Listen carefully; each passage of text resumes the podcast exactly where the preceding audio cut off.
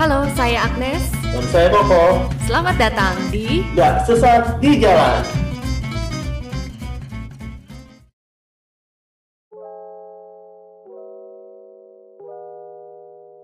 Halo, apa kabar?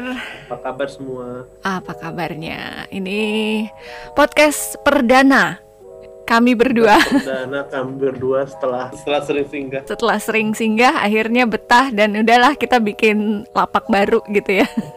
Lapak baru, lapak yang fresh untuk menemani pandemi yang sepertinya bentar lagi akan berakhir. Semoga Amin. Betul. tidak ada vaksin.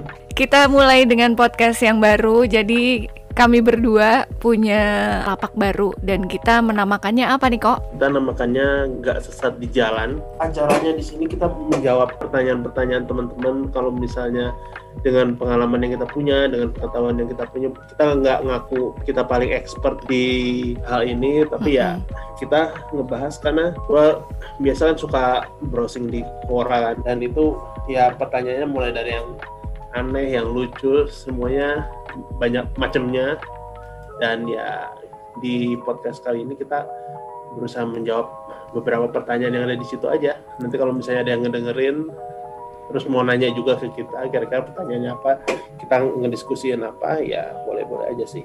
Betul. Nanti kita kasih email di ujung podcast kita kali ini. Siap. Biar nggak sesat di jalan, jadi silahkan bertanya ya. Kami berdua Ya. hanya membagi apa yang pernah kita alami atau mungkin kita membagi pengalaman orang yang kita tahu mereka bisa solve-nya seperti apa sih gitu ya masalah-masalah kehidupan ini yang begitu banyaknya. ya dan ya mungkin justru mungkin eh, yang ngedengerin oh kita nggak pernah mikirin pertanyaan itu jadi kepikiran jadi kepikiran, iya benar. nah terus ya siapa tahu jadi merenung ya menemukan solusi buat masalah kalian juga Betul betul.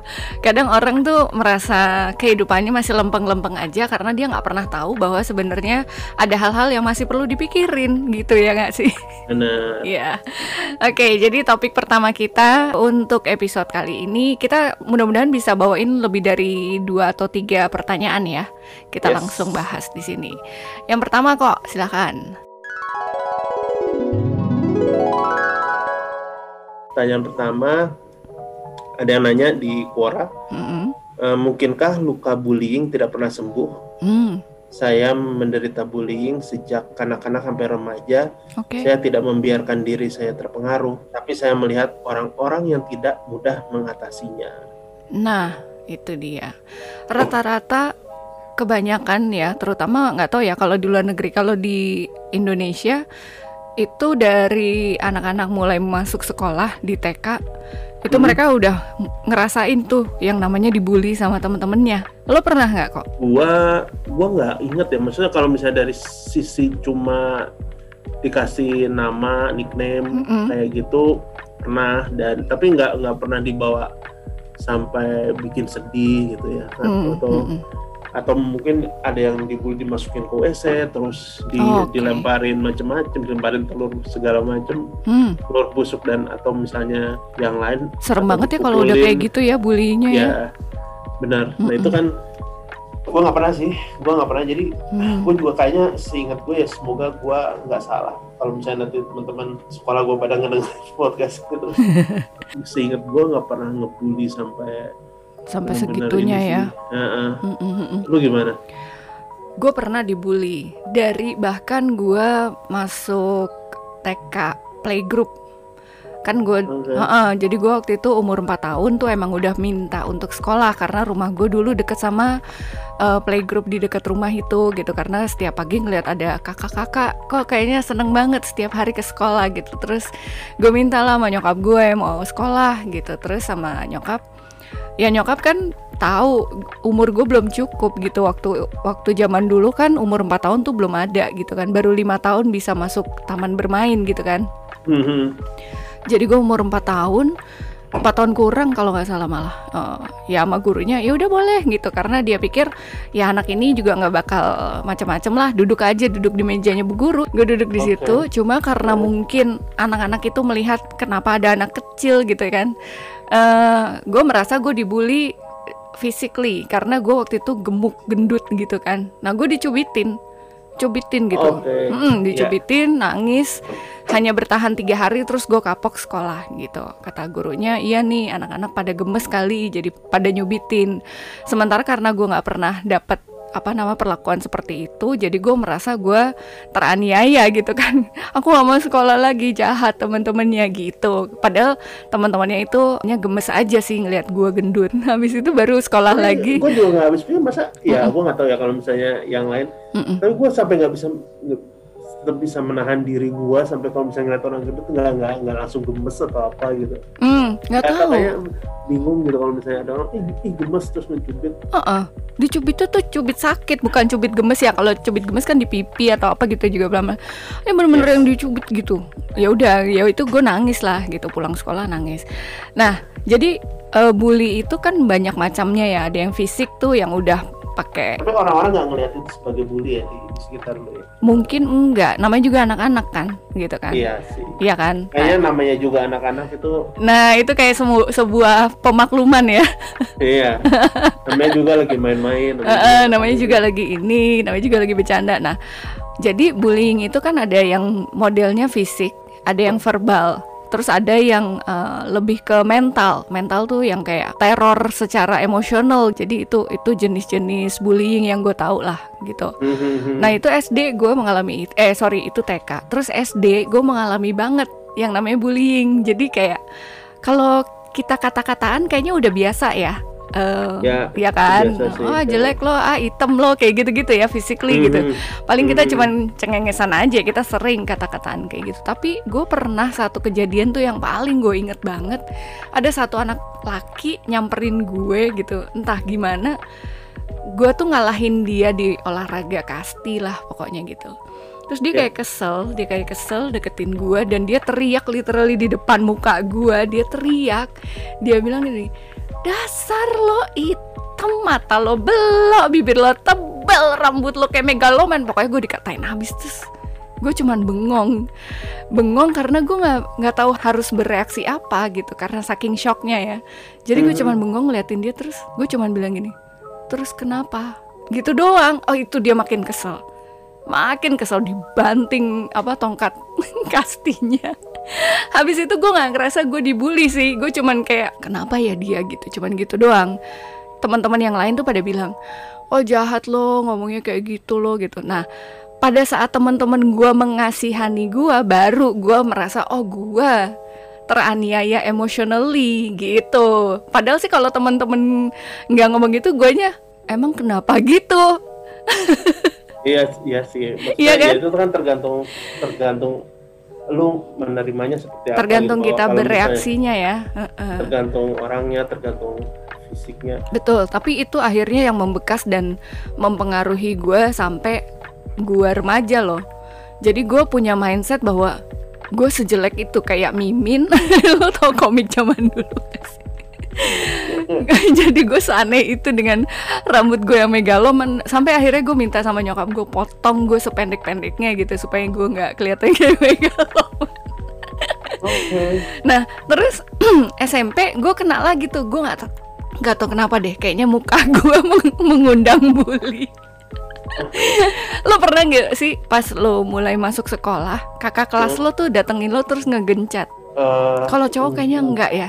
Ya aku nggak tahu di struktur tapi kayak struktur di sekolahku kan gue sekolahnya di Bandung dulu Mm-mm. kayak nggak gue nggak nggak- kayak ya satu satu tingkat ya satu tingkat itu aja mainnya kayak nggak nggak naik ke atas nggak naik ke bawah gitu nanti nanti bawah gue nggak kenal kakak kelas gue Oke, baik dan- jadi nggak nyampur ya mainnya ya? iya heeh. Gue juga nggak nyampur. Cuman pas SMP itu kan gue baru masuk sekolah. Bener-bener baru satu hari masuk sekolah gitu. Gue bahkan masih pakai seragam SD gue gitu. Belum dapat seragam SMP-nya. Tiba-tiba serombongan kakak kelas tuh deketin gue gebrak meja. Heh, lu dari sekolah ini kan? Sekolah gue swasta pas SD. Besok bawain kita coklat. Bawain lima nih semuanya harus dapet. Gue seumur umur di SD gue nggak pernah digencat sama kakak kelas karena gue tetap main sama kakak kelas gue gitu berteman baik. Jadi tiba-tiba ada yang datang ke gue terus gue digituin terus gue mikir lagi buat apa?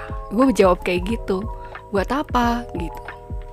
jawab lagi lo gitu. Wah pokoknya gitu. Terus gue bingung kan ya asli. Habis itu mereka keluar tuh badannya gede-gede gitu. Cewek sih cewek tapi sangar-sangar gitu kakak kelas gue teman-teman gue menghampiri gue dan menjelaskan artinya lu digencet sama kakak kelas gitu kan. Apa salah gue gue bilang gitu. Ya mungkin mereka ngerasanya lu beda aja karena lu bukan dari SD negeri di sekitar sini lu dari swasta yang lumayan ke top gitu dan mereka mikir ya lo enak buat digencet aja gitu. Kayak anaknya gampang dianiaya gitu. Sementara gue masih dengan polosnya gue selalu menjawab gitu buat apa? Gitu. Besok okay. terus gue bilang e, oh itu yang namanya digencet. Oh gue gue barusan digencet nih gitu kan. Gue langsung jadi takut kan gitu. Habis yeah. itu Nah gue karena orang yang nggak nggak ini ya gue nggak mikir yang gimana gimana lempeng-lempeng aja. Jadi gue langsung ngomong ke wali kelas gue bu tadi saya digencet. Katanya itu namanya digencet bu. Soalnya begini-begini. Langsung lo habis itu dipanggil anak-anak itu jadi ya udah habis itu gue terbebaskan karena gue udah ngadu duluan gue nggak tambah digencet sih enggak gitu karena akhirnya besokannya ada salah satu dari kakak-kakak yang gencet gue itu deketin gue gitu deketin gue terus gini lo ngadu-ngadu ya gitu-gitu kan kayak mau ngancam lagi gitu yeah. Iya. uh, terus dia bilang gini dasar lo teh lo gitu tai gitu terus uh-huh. terus gue dengan polos gini lo yang tai gue bilang gitu gue bener-bener nggak ada takutnya. Dia takut loh sama gue gue balikin kayak gitu. Abis itu udah nggak berani lagi dan dia berteman sama gue hmm. jadi maksud gue ya anak-anak sekarang mungkin ada yang mentalnya harus bisa dibina kayak gue kali ya. Nggak pernah. Karena gue saking polosnya sih. Gue dari kecil main sama anak laki dari kecil gue nggak pernah tahu yang namanya bullying atau digencet atau apa pun itu jadi setiap ada yang approach ke gue nggak enak kayak gitu gue hanya tinggal bertanya balik kenapa gitu. Ini bukan sebuah resep apa gimana ya kok. Tapi emang dari kecil itu kalau gue bilang tadi pertanyaan lo apakah membekas sampai sekarang membekas.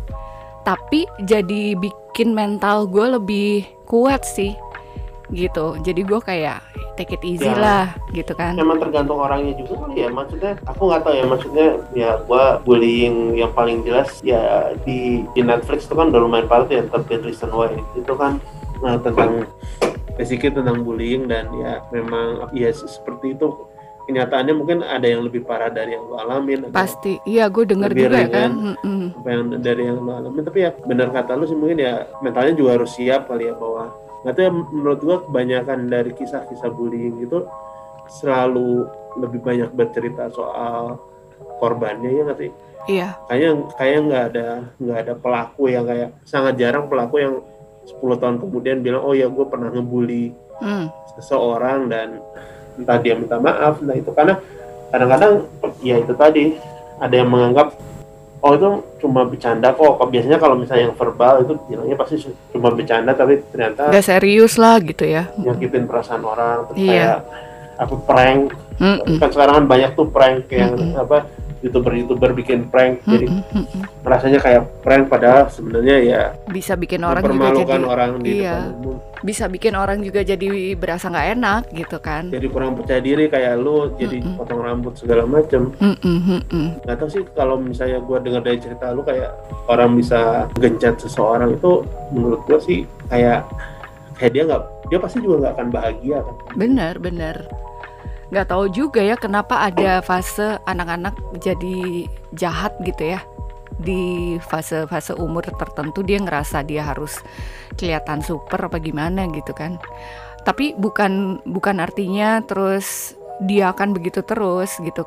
Gue lihat salah satu yang pernah ngebully gue sih orangnya baik-baik aja sih sampai sekarang. Tapi bener kata lo tadi orang-orang yang ngebully itu dia kebanyakan nggak pernah ngerasa dosa dalam artian nggak pernah ngerasa terganggu emosionalnya. Mereka nggak pernah ngerasa bersalah. Iya, nggak yeah. pernah sadar kalau itu yang mereka bikin zaman dulu itu punya sebuah luka di orang lain yang mereka sakitin nah itu gitu. Justru yang korbannya itu nyimpen sakitnya sampai gede dan itu bisa jadi pengalaman traumatik yang berpengaruh ke fisik dan mentalnya si korban gitu loh. Walaupun mereka nggak disakiti secara fisik ya tapi gue gue sempat konsul gitu sama terapis dan dia bilang kamu punya trauma masa lalu yang perlu kamu beresin.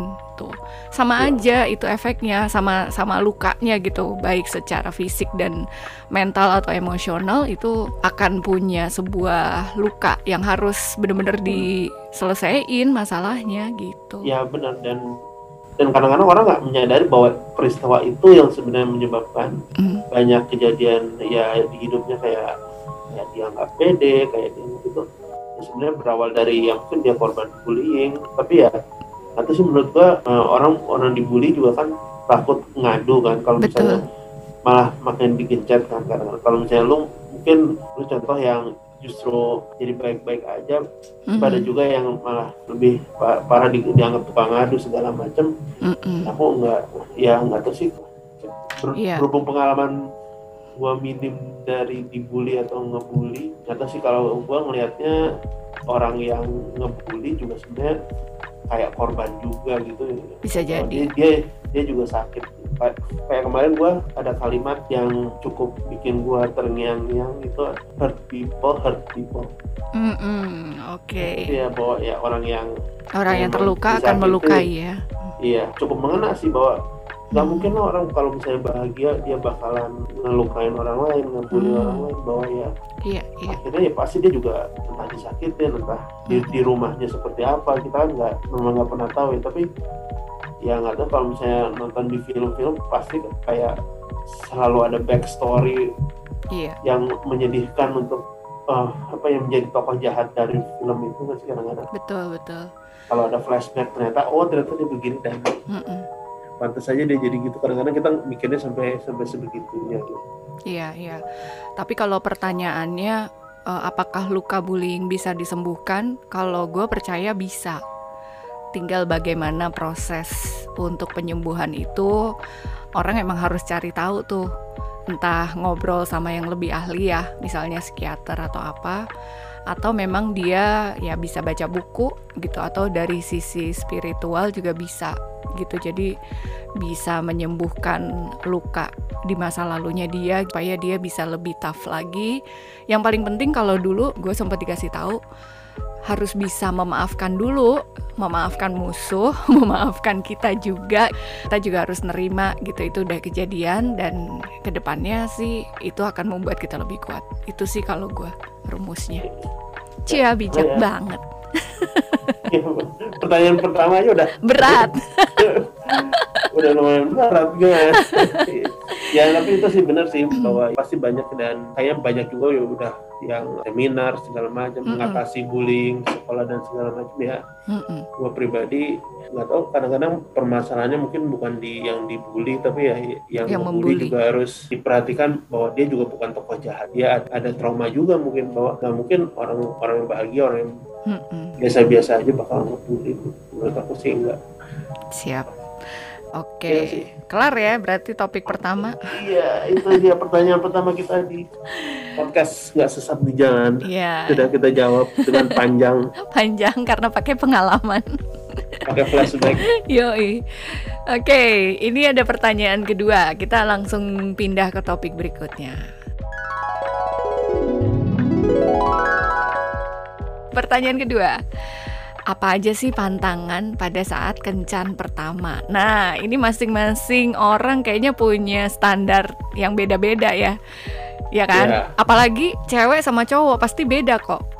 Ya kan pantangan-pantangan kencan pertamanya, yeah. bener gak? Nah, coba lo dari sisi POV laki, ayo pantangannya apa? Kalau gue ngeliat secara general kriteria masing-masing bahkan kalau misalnya sekarang zaman Tinder lo ngelihat apa foto profil tidak sesuai dengan ekspektasi dengan ekspektasi mungkin udah ilfil atau misalnya uh-huh. yang akunya tingginya 170 ternyata uh-huh. cuma 160 yeah, udah yeah. mungkin uh, ilfil tapi menurut gua sih secara general kalau misal lu harus ngeliat tujuan lu apa sih untuk hmm. kencan pertama lu karena orang kadang-kadang ngedeketin uh, terutama cowok ya mungkin kayak wah gue harus impress kencan pertama gue supaya nanti ada kencan kedua dan padahal sebenarnya ya kalau kata gue sih ya be yourself aja sih yeah. jadi kalau misalnya katakanlah lu lu nggak suka sushi terus tiba-tiba ternyata kencan lu uh, suka sushi uh, jadi lo pesan kencan pertama di restoran Jepang padahal lo nggak suka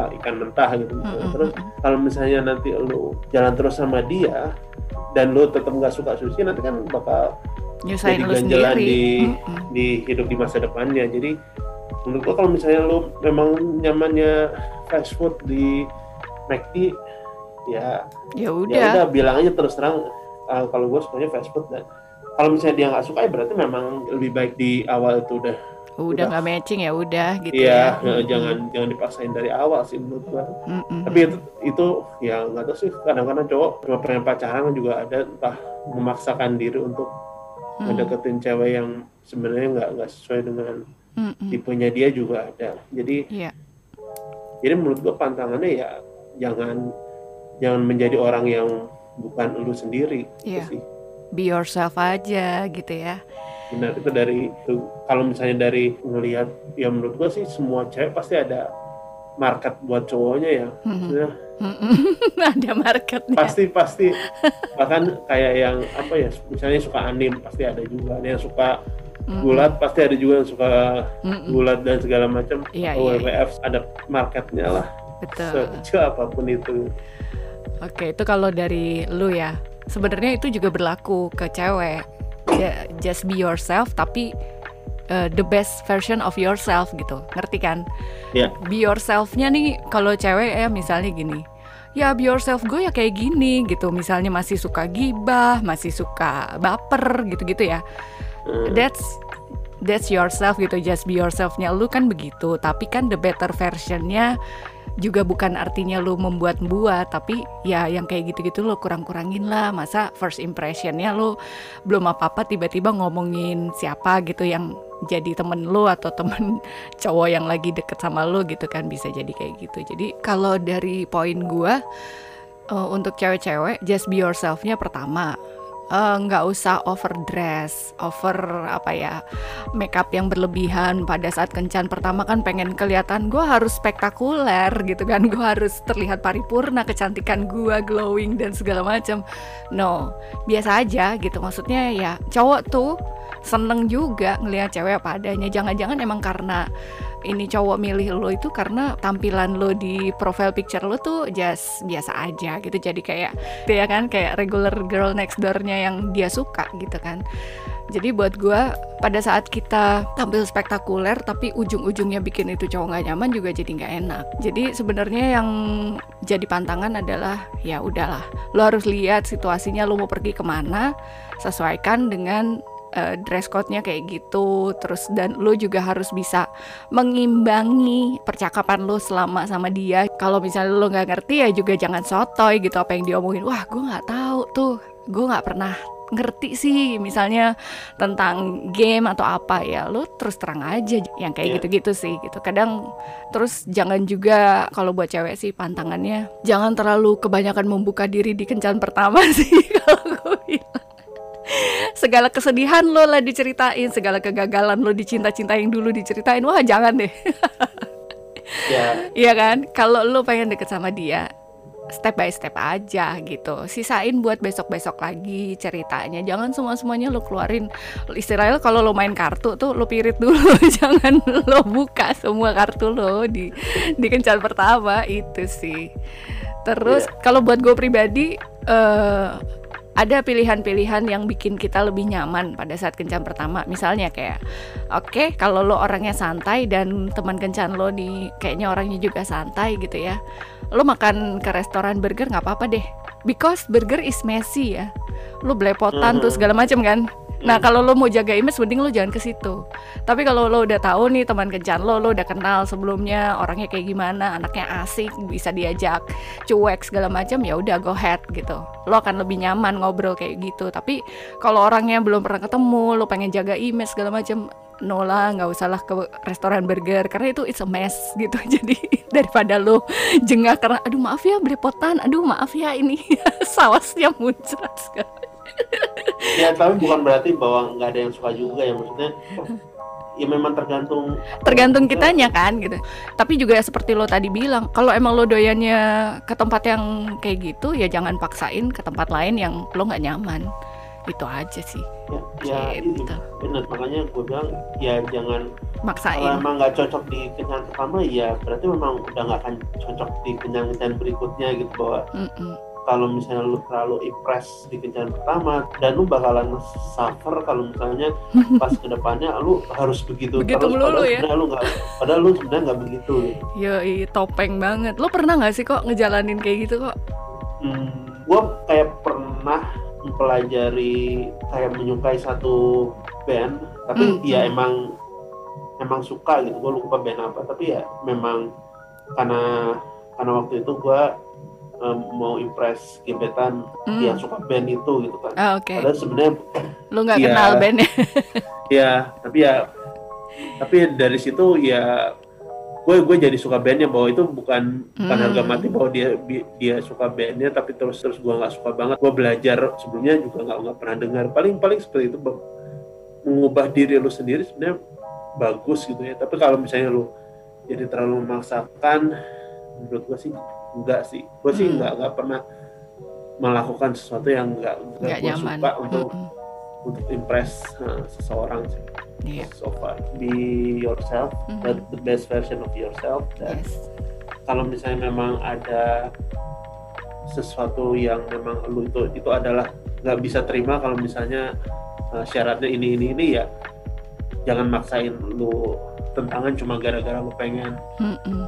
uh, sama cewek itu Eh, masih banyak masih Iya. banyak ikan di laut itu sebenarnya benar sih apalagi zaman zaman Tinder zaman Bumble Betul sekali. Walaupun kita pandemi gitu ya, orang bingung Iya, gimana ya gue bisa benar, ketemu benar. orang lain gitu kan. Ya, ya tapi chat juga tetap ada jalan. bisa. Oke. Yang berikutnya kok pertanyaan ketiga. Pertanyaan ketiga, apa pelajaran yang bisa diambil dari kejadian mewabahnya virus corona? Hmm, Ya, kemarin baru anniversary. Iya, Hari-hari gini setahun yang lalu kita kayak masih ragu-ragu jabat tangan nggak ya jabat tangan. iya. Tahun yang lalu itu dulu awal-awal Maret itu masih fase denial orang Indonesia, iya kan? Oh nggak mungkin corona masuk sini. Ternyata parah banget. Oke, gimana gimana? Apa yang bisa diambil dari kejadian corona ini setelah setahun Kalau gue yang paling jelas ya WFO WFA ya bahwa meskipun lu di rumah ternyata dengan internet segala macam lu masih bisa koordinasi. Mm-mm. Karena memang sebelumnya gue nggak nggak pernah seperti itu kayak meeting harus uh, Ketemu. face to face segala macam dan dengan hidup di Jakarta yang macet segala macam kadang-kadang memang suffer sih lu lebih banyak di jalannya daripada meetingnya kadang-kadang Betul. uh, bikin itu dan ternyata bisa dengan Zoom, dengan Teams, dengan bahkan dengan Google Meet juga sudah mencapai apa yang lu pengenin dari sekedar face to face ya. Jadi informasi juga udah tersampaikan dan itu yang paling utama sih gua ini. Ya, dan itu kayaknya memang jadi sebuah transformasi digital banget ya. Disruption banget gitu. Bener-bener orang dipaksa untuk totally online. Anak sekolah lah, bahkan lo kebayang gak sih sekarang anak-anak playgroup tuh masih kecil-kecil nih. Mereka harus online. Yang gue lihat tuh kasihannya mereka ini kan belum pernah sekolah sebelumnya nggak pernah tahu yang namanya sekolah, kelasnya kayak apa gitu kan. Tapi tiba-tiba mereka harus sekolah terus online, sosialisasinya hanya lewat kamera atau komputer gitu ya. Terus kemudian ya mereka tuh banyak loh ya. Kalau gue lihat tuh di instastorynya ibu-ibu tuh anaknya tidur di tengah pelajaran. Ya, ya itu udah kayak ya ya udahlah ya dimaklumin banget lah anak-anak ini. Pagi-pagi udah harus sekolah terus di tengah-tengah mereka capek. Ya itu apa namanya sebuah transformasi yang harus dilakukan mau nggak mau gitu kan. Ya memper- jadi mempertanyakan kalau di orang Sunda bilang uh, astekut kan? Uh, apa tuh asal tekudu. Oh asal tekudu eh, jadi kayaknya nggak perlu gitu Ya, kan ya nggak sih kadang-kadang ngelihat pandemi gitu, terus banyak kegiatan yang kayak perjalanan travel terus makan di restoran dan segala macam. Iya. Banyak hal yang memang asal tekudu tapi untuk menggerakkan perekonomian harus harus dilakuin ya nggak sih? Maksudnya Iya. kayak pariwisata travel. Mm, mm, mm, ya sebenarnya selama setahun lu nggak nggak travel pariwisata se se stresnya lu ternyata lu masih masih mampu gitu Iya. dengan atau nonton bioskop Mm-mm. setahun nggak ada bioskop setahun nggak nonton masih baik-baik aja Masih baik-baik aja. ngomong, "Oh ya, Masih nggak apa-apa sebenarnya ya. iya masih Jadi- banyak ya Kelihatan bahwa hal-hal itu adalah kebutuhan sekunder, bukan premier ya kan? iya benar Betul. Jadi justru yang kita harus bisa menjaga kesehatan, ya kan? Terus kita bisa apa masih bisa beraktivitas secara online tiap hari. Nah, kebutuhan untuk terhubung secara online itu malah jadi kebutuhan primer sekarang. Gimana kalau misalnya nggak ada internet gitu kan? Itu udah susah banget gitu. Jadi gue prihatin sih eh, daerah-daerah yang masih susah banget hubungan internetnya kan ada anak-anak yang harus naik ke atas bukit dulu supaya bisa dapat sinyal gitu supaya bisa sekolah terus ada guru-guru yang rela datengin satu-satu rumah muridnya untuk ngajar selama sejam. Itu wah itu struggling banget gila. Keren Iya, banget dan- sih kalau ya maksudnya survive. Mhm.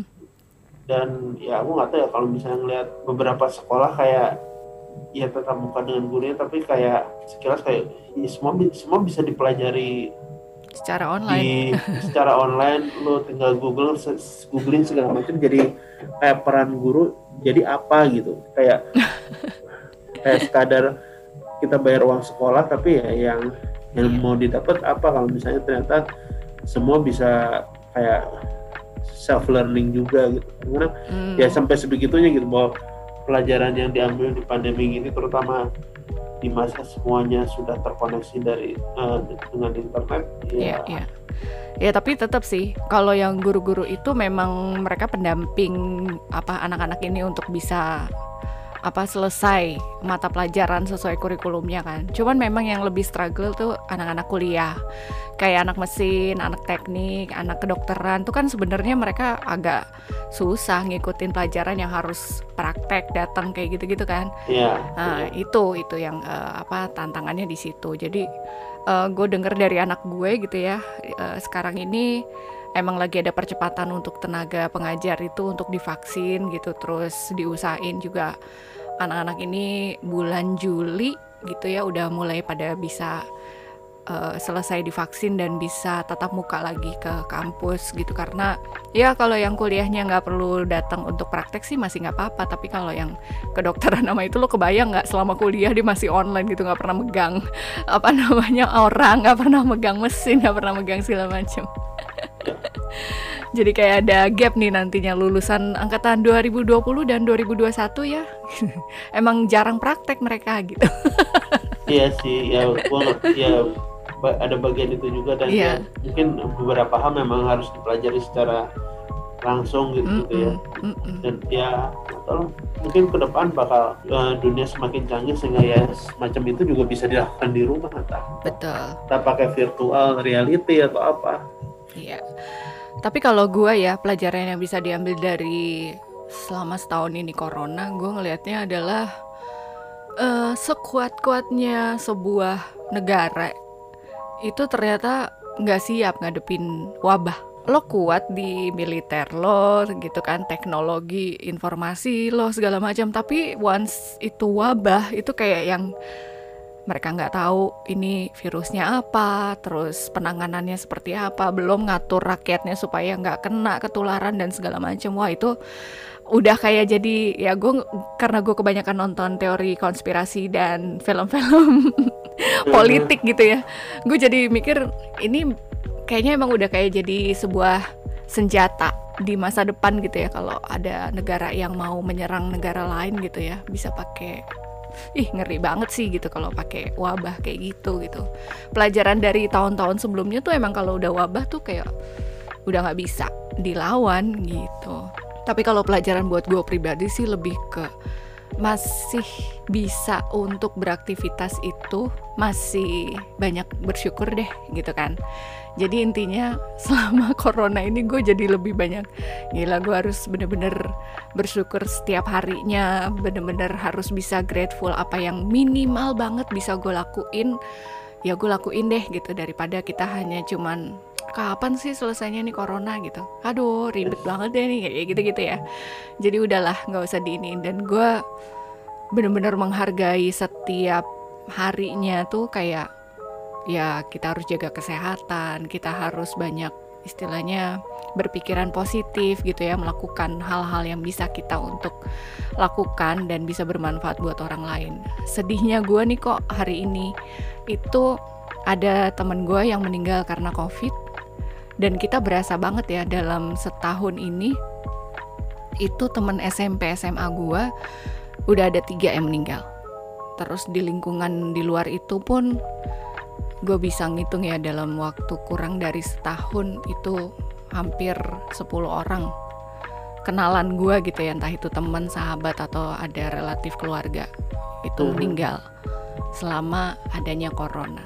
Aduh kan sedih banget ya itu. Jadi itu juga bikin gue sadar bahwa be grateful deh every day gitu atau everything every little thing yang kita temuin tiap hari aja tuh harusnya kita bisa bersyukur gila kebayang temen gue dua hari yang lalu kita dapat kabar kayak begini terus tiba-tiba sekarang dia udah nggak ada tuh.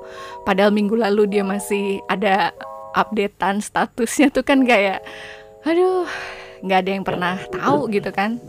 Umur segala macam ya itulah salah satu pelajaran yang juga gue ambil.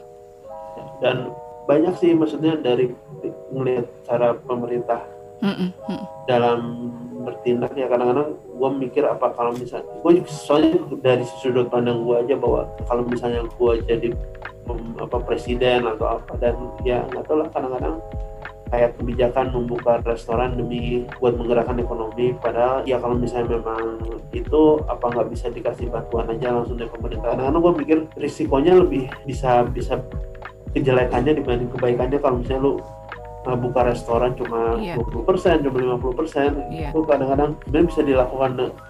Aku nggak tahu ya bahwa kenyataan bahwa Jeff Bezos mm -hmm. bisa iya atau atau Gojek atau Grab Betul. bisa mengeruk keuntungan yang luar biasa dari pandemi ini dan ya kayak duitnya cuma buat mereka aja dan ya hmm. mungkin mereka juga ada bisa kasih bantuan derma dan segala macam yang menurut gua ya kayak kalau misalnya duit itu dipakai benar-benar buat hmm. buat ngatasin pandemi mungkin bisa gitu ya itu dia yeah. nah, memang nggak nggak ideal lah iya benar tapi memang pasti susah ya untuk ngambil keputusan antara yang ini atau yang itu gitu. Cuman kayaknya memang harus fokus dulu sih kalau gue ngelihat dari yang lain gitu ya dari negara yang lain gitu. Mereka fokus dulu, oke. Okay, uh, eh, yang penting warganya nggak nggak kebanyakan yang kena kasus dulu, diberesin dulu di situ, baru nanti sambil benerin perekonomian gitu loh. Jangan jadi dua-duanya setengah-setengah. Kalau gue lihat kan kayak gitu tuh ya kan? Kalau menggerakkan perekonomian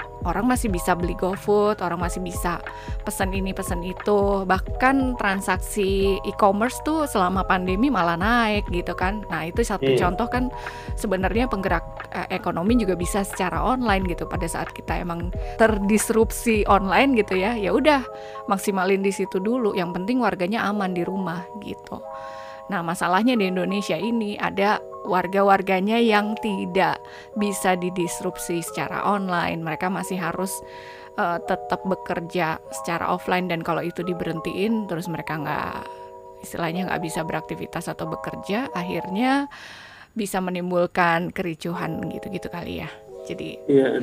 ribet. Dan eh, apa ya nggak tahu yang menurut gua setahun berlalu dan orang kayak kesel kayak ada kemarin ada yang ngetut gue pokoknya pengen tinggal di New Zealand meskipun jadi kambing juga nggak apa-apa gitu.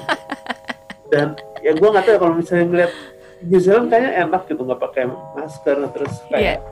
tingkat kematian COVID uh, rendah dan segala macam. Tapi setelah gue nge-reflect satu tahun bersama corona ini kayak ya sebenarnya juga nggak buruk-buruk amat sih. Maksudnya dari sisi kalau personal gue ya mungkin ada yang lebih hmm. rasa lebih parah pasti banyak. Tapi kalau di dalam kalau mau dibandingin sama New Zealand nggak adil. New Zealand tuh bahkan rakyatnya nggak lebih banyak dari Pulau Jawa.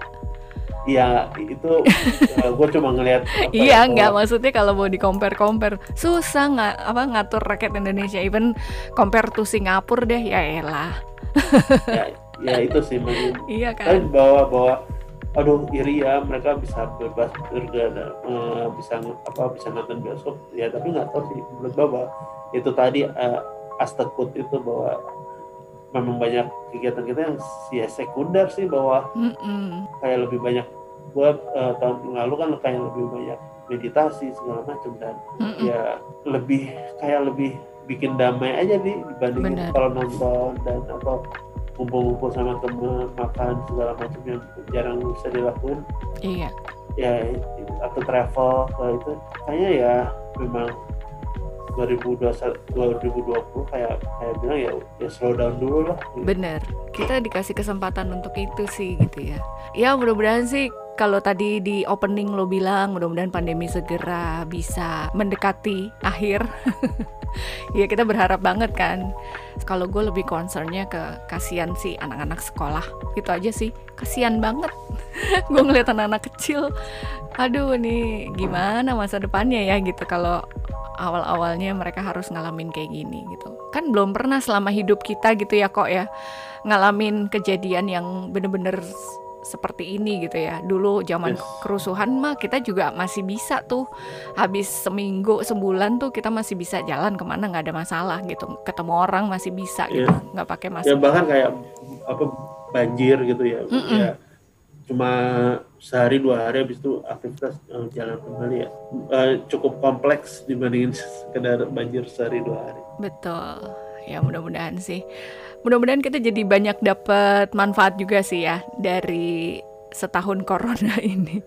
Yes. Kalau gue bilang is, ya kita jadi getting stronger gitu untuk 2021. Amin. Okay. Tapi kalau bisa sih jangan pandemi dulu lagi deh. Janganlah. Ya udah, berarti setelah dari pandemi kita satu pertanyaan lagi yang akan kita jawab ya. Silakan kok pertanyaan terakhir buat episode perdana kita. Pertanyaan berikutnya, apakah sulit bagi seorang introvert untuk berbicara di depan umum? Oke. Okay. Ini kayaknya uh, common misperception ya. Benar.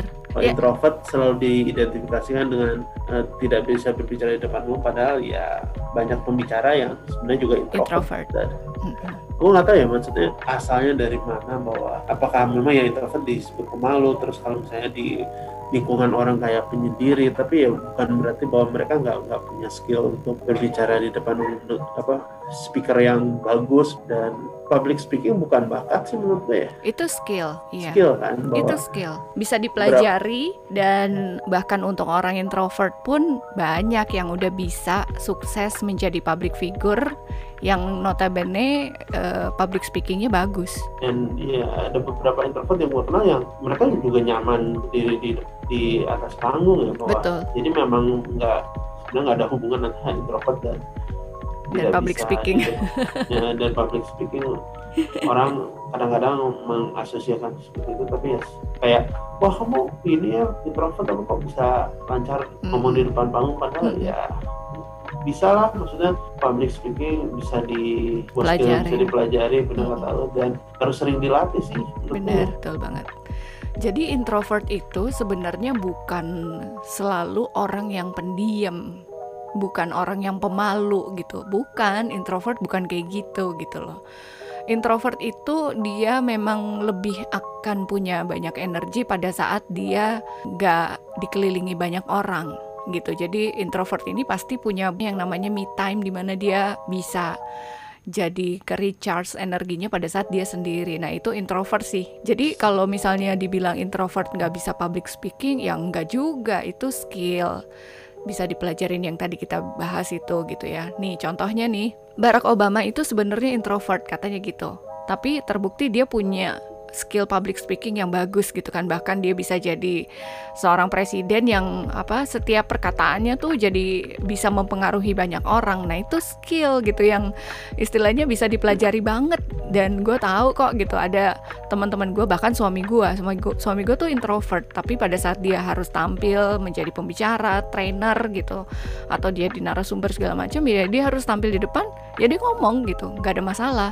Tapi abis itu dia kembali lagi ke dunianya gitu yang yang nggak terlalu bising nggak terlalu banyak omong atau segala macam gitu mungkin ya, mungkin ada uh, ada orang yang memang nyaman berbicara di depan umum ada yang enggak tapi ya mm -mm. kalau misalnya jadi lebih sulit ya sebenarnya jam terbang awalnya mungkin sama dan dia mm -hmm. jam terbang itu ya banyak banyak cara lah bahwa kadang-kadang ada, ada orang bilang grogi tapi ada apa ya yang gue ingat bahwa orang suka grogi suka keringet dingin kalau misalnya terus ada gue pernah dapet tips bahwa ya sebenarnya grogi itu sebenarnya lu lu kayak nggak bisa nahan diri lu untuk antusias untuk justru lu yeah. antusias untuk tampil mm-hmm. jadi lu ngerasa grogi gitu mm-hmm. iya padahal sebenarnya ya lu udah pengen banget tampil dan ya sebenarnya bahwa itu kayak tubuh untuk memberitahu lu bahwa lu bersemangat, lu udah antusias lu tampil, tapi berhubung lu di backstage lama jadi kayak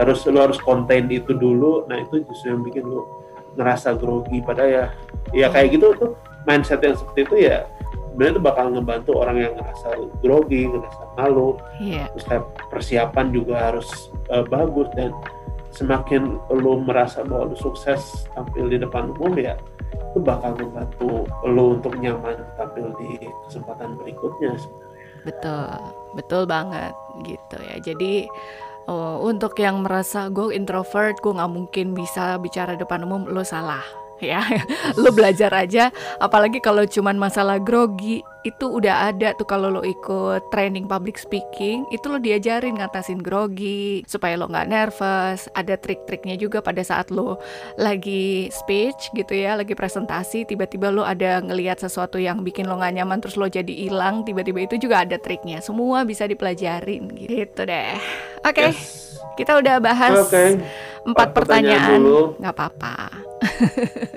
Kalau misalnya kalian suka dengan episode pertama ini, di subscribe buat nanti kita klik subscribe dan komen.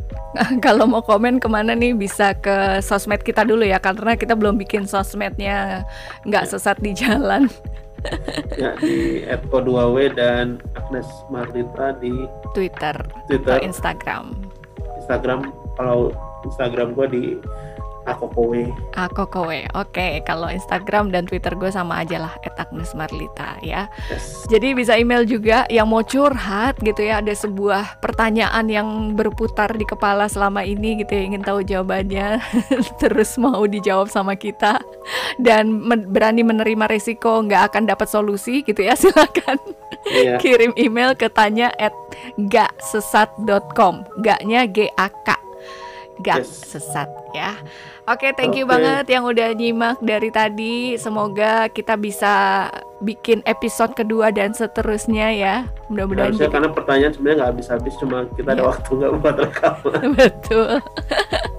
Oke, okay, mudah-mudahan minggu depan kita balik lagi di episode berikutnya. Sampai ketemu lagi. Ingat apa kok? Jangan malu bertanya. Biar nggak sesat di jalan. Bye-bye. Bye-bye. Dadah.